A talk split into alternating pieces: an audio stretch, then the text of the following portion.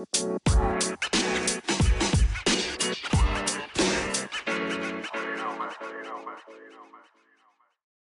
hey, super tof dat je luistert naar een nieuwe aflevering van de Positief met Pubers podcast. Mijn naam is Janneke en dagelijks beantwoord ik allerlei vragen via mail en DM van ouders die struggelen met dingen in de opvoeding van hun puber. Ik beantwoord deze vragen en in de podcast behandel ik elke aflevering een vraag met jou. Ik geef je mijn visie en ik neem je mee in mijn dagelijks leven.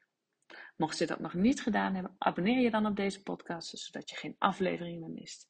En als je deze podcast tof vindt, geef het dan zoveel mogelijk sterren of een positieve review. Hoe meer positieve reviews, hoe meer platforms als Spotify en Apple Podcasts deze podcast gaan aanbevelen aan andere ouders die deze podcast nog niet kennen. Daardoor kan ik groeien met deze podcast. Maar wat ik nog belangrijker vind, daardoor kan ik nog meer ouders bereiken die met soortgelijke struggles zitten als dat jij misschien zit. Je zou me enorm plezier mee doen. Dus dank je wel alvast. En nu gaan we gauw beginnen. Hey, hey, goedemorgen, middag, avond, wanneer je ook luistert. Super tof. Nieuwe Positief met Pubers podcast, dat word je klaar. Zeg even een vraag. Hoe is het uh, bij jou thuis? Ik, uh, bij ons is het uh, nu echt afwisselen van de post. Afgelopen vrijdag was onze oudste ziek. Nou, dat ging maandag weer beter. Toen werd zondagavond werd onze jongste ziek. Nou, die is vandaag, het is vandaag woensdag. Uh, uh, voor het eerst van de school geweest. En gisteravond begon mijn man dat hij niet lekker was. En die ligt nu te kuchen en benauwd te zijn in bed. Dus het is een ziekenboeg hier in huis. En dan, ja, weet je, het is niet erg. Hoort er gewoon bij, hoort bij het tijdstip van jaar, denk ik dan. Maar ik, ik hoor het zo her en der wel meer. Dat er meerdere ouders zijn die daar mee te maken hebben. En dat doet me denken aan een post die ik nog niet zo lang geleden gemaakt heb hierover. Want ben je blij dat ze eindelijk weer beter zijn. Uh, belt school op dat een van de kinderen ziek naar huis moet of zoiets was. Ik weet niet eens meer waar ik het over schreef. Maar goed. En jou, het is hier een ziekenboeg. En ja, dat, dat, vraagt even een nodige aanpassing in mijn agenda. Dat is helemaal oké. Wat ik nog meer wilde vertellen. Ik ben ehm, momenteel bezig met een heel interessant boek. Het is het uh, boek over prikkeld brein van uh, Charlotte Labé. Ik ben, ben geen, geen uh, affiliate of zo. Ik moet echt, echt eerlijk zeggen, dit, ik wil maar heel lang, of nou niet al heel lang, ik ben al langere tijd bezig om het te ontwikkelen over het brein. En hoe het nou komt dat, dat ik merk in mijn werk, maar ook gewoon in het algemeen, in het social media land zeg maar, maar ook de mensen die ik volg, dat dat uh, de jongeren steeds meer uh, problemen hebben met stress, spanning, lichaam, vage lichamelijke klachten, hoofdpijn. En ik was nieuwsgierig hoe dat dan werkte. Dus daar ben ik mee gaan verdiepen. En zo ben ik dus ook bij Overprikkeld Brein gekomen. En die ben ik nu aan het lezen. En een beetje, ik moet eerlijk zeggen, het geeft me zoveel inzichten weer. In het boek wordt eigenlijk op een hele eenvoudige manier uitgelegd hoe dat dan werkt. Ehm, hoe, uh, hoe het komt dat, dat ons brein dan gewoon overprikkeld raakt, maar ook gewoon constant aanstaat waar dat er komt en wat dat de oorzaken ervan kunnen zijn, maar ook wat gevolgen kunnen zijn voor het brein zelf, maar ook voor de diverse lichaamsdelen en organen. Dat is echt heel interessant. Dus mocht je er meer over willen weten, ik hoop vooral dat boek leen, dat boek bij de Biep. Overprikkeld brein van Charlotte Labé, echt een aanrader. Ik ben nu, eens kijken, ongeveer halverwege. Dus uh, ja, dit wordt er eentje die ik uh, vaker ga lezen in ieder geval. Dus het geeft me wel weer heel veel van die oh ja momenten, weet je wel? Nou, goed. Dat gezegd dan gaan we naar uh, het onderwerp van vandaag. Nou ja, waarschijnlijk heb je het al gelezen in de, in de show note, de titel. Ik um, uh, met één moeder heb ik best wel veel contact via, ja, in dit geval was het dan weer de mail, maar dat gaat ook wel eens via DM over een, een van haar pubers. En de haar dochter, daar gaat het om, die zit momenteel in de examengroep. En dat gaat gezondheidstechnisch nog niet altijd even goed. Dus um, daar sparren we dan wel eens over, omdat daar toch ook wel een stukje expertise bij mij zit natuurlijk. Ik ben geen arts, maar mijn ervaring die reikt wel heel ver. En als ik daar vragen over heb, dan neem ik altijd een heel kort lijntje met de jeugdarts. En dat gebruik ik in deze ook wel. Nou, ze vroeg mij, uh, of, nee, ik lees het gewoon even voor. ik heb met haar afgesproken dat ze de komende dagen met haar verslagen bezig gaat. Mocht je nog tips hebben, dan horen we dat graag. deze puber die ehm, zit in een examenklas, zoals ik zei. En heeft een aangepast programma, maar wil wel heel graag haar examen dit jaar doen. En uh, ja, of dat gaat lukken, dat is nog even de vraag. Ze heeft nog een aantal, uh, ik van moeder begrepen, een aantal dingen die ze in moet halen, waaronder een aantal verslagen. Dus ze vroeg mij van, maar hoe kan ik haar nou gemotiveerd houden om die verslagen te maken? Hoe kan ik er nou voor zorgen dat ze overzicht krijgt, dat het niet te overwhelming wordt? Daar ging het eigenlijk. Nou, nou goed. Allereerst heb ik haar gezegd, weet je, gezondheid gaat voor alles. En afhankelijk wat ze aan kan, probeer dan aan te passen wat, wat mogelijk is.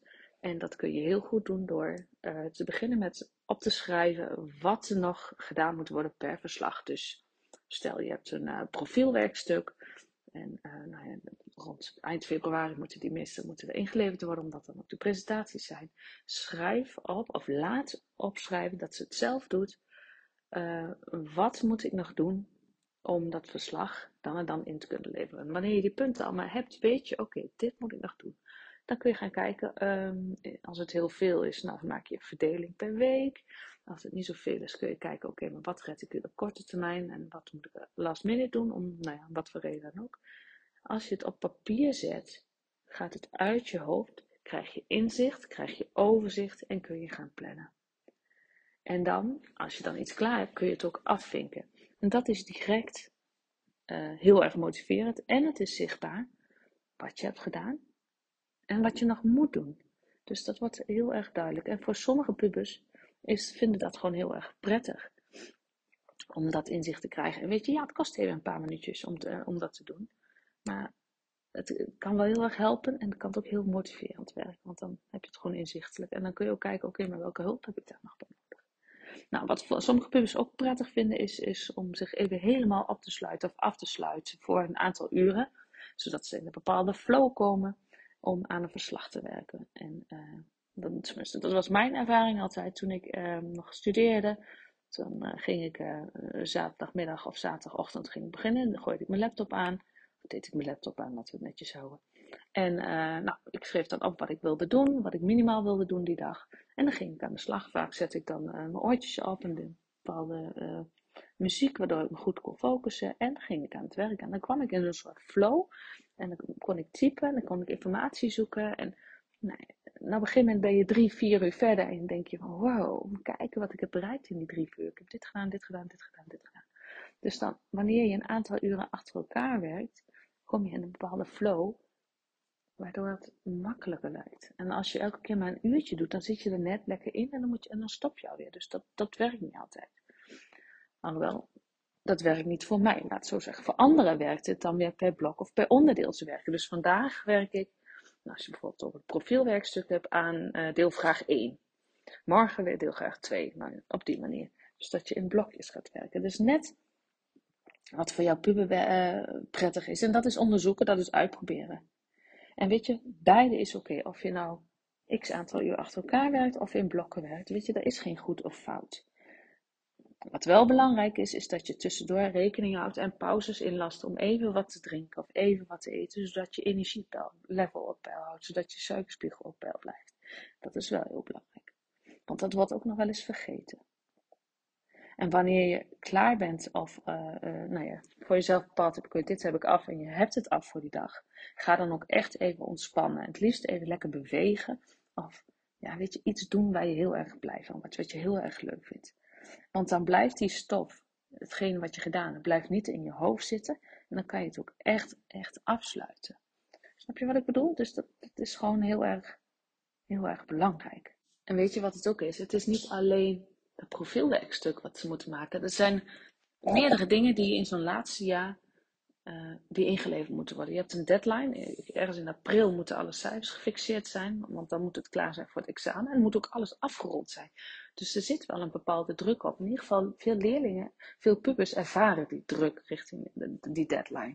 Dus wanneer je dat merkt ook bij je puber, zoals nu hebben we net toetsweek 2 gehad, tenminste de meeste leerlingen hebben dit aan de week of toetsweek 2 gehad. En uh, je bent dus nu halverwege, je hebt dadelijk nog één toetsweek en daarna komen de examens alleen bij.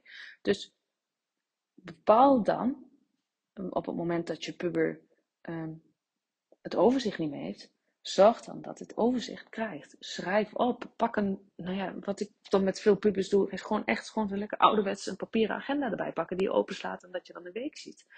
Kijk voor jezelf met de jaarplannen van school of de agenda van school of magister of zeg maar weet ik veel waar het in staat. Uh, bepaal met je, voor jezelf, oké, dan zijn de examens, die schrijf je erin. Dan moeten de cijfers gefixeerd zijn. Dan zijn de vakanties, dan is de toetsweek, dan is dit inleveren, dan is dat erin, dan zijn de mondelingen, dan moet het literatuurdossier ingeleverd. Schrijf alles in de agenda. Zo heb je per week kun je heel duidelijk zien, oké, dit wordt er deze week van mij verwacht. Heb ik veel ruimte? Heb ik geen ruimte? Kan ik deze week misschien wat meer doen, zodat ik volgende week, omdat ik dan die mondelingen heb en de verslag moet inleveren, iets minder drukker ben, doe ik het deze week. Wanneer je overzicht creëert, wanneer je een planning maakt, wanneer je inzicht geeft, merk je dat het niet in je hoofd blijft hangen. En als het niet in je hoofd hoeft te blijven zitten, als je het niet allemaal hoeft te onthouden, en dus dat je het op papier zet, geeft dat rust in je hoofd, geeft dat ruimte in je hoofd, ruimte in je hoofd die je kan gebruiken om weer te besteden aan leerwerk, om weer te besteden aan andere dingen. Echt, echt super belangrijk. En wat ik ook zei, dat ontspannen is ook echt, echt heel belangrijk. Ondanks dat je het idee hebt van, oh, ik moet nog zoveel. Wanneer jij niet even afschakelt, en dat merk je waarschijnlijk voor jezelf ook, wanneer je niet afschakelt, krijg je er vroeg of laat vast van. Dus wanneer jij niet, nou ja, zeg voor half tien, nou ja, bij mij thuis was het altijd half tien, stoppen met school, stoppen met werk. Als je die afspraak met je puber maakt, houd je er dan ook aan. De verleiding is gewoon heel groot, zeker na die piekmomenten, om, uh, om langer door te gaan. Maar je puber heeft die rust nodig. Je puber heeft voldoende slaap nodig. Echt nog 8 tot 10 uur eigenlijk. Om helemaal echt te ontspannen. Om tot rust te komen. Om, als je het dan over het brein hebt. Om dat brein echt even uit te zetten. En de ruimte te geven om te kunnen verwerken. Dus dat is echt belangrijk. Eten en drinken is altijd belangrijk. Maar hou dat even voor jezelf in de gaten. Hou dat voor je puber in de gaten. Maak desnoods inderdaad een dagplanning, een weekplanning. Waarin je dat bijhoudt. Dat gaat echt helpen. Oké? Dat was hem voor vandaag. Ik hoop dat je er weer waarde uit hebt kunnen halen. Mocht dat zo zijn, laat het me dan weten. Mocht je nu denken, oh, ik, oh die vriendin van mij die zit met de puber in het examen. Ja, stuur gerust deze podcast door. Daarmee help je hen waarschijnlijk enorm. Daarmee help je mij enorm, want daardoor wordt mijn podcast steeds groter, wordt hij steeds beter gevonden. En kan ik nog meer ouders helpen. Waardoor we nog meer pubers kunnen helpen met elkaar. Zonder jou kan ik dat niet, daar heb ik je echt bij nodig. Dus dank is groot voor alles wat je al gedaan hebt om deze podcast groter te maken. Maar blijf dat ook vooral. Dankjewel voor het luisteren en tot de volgende keer.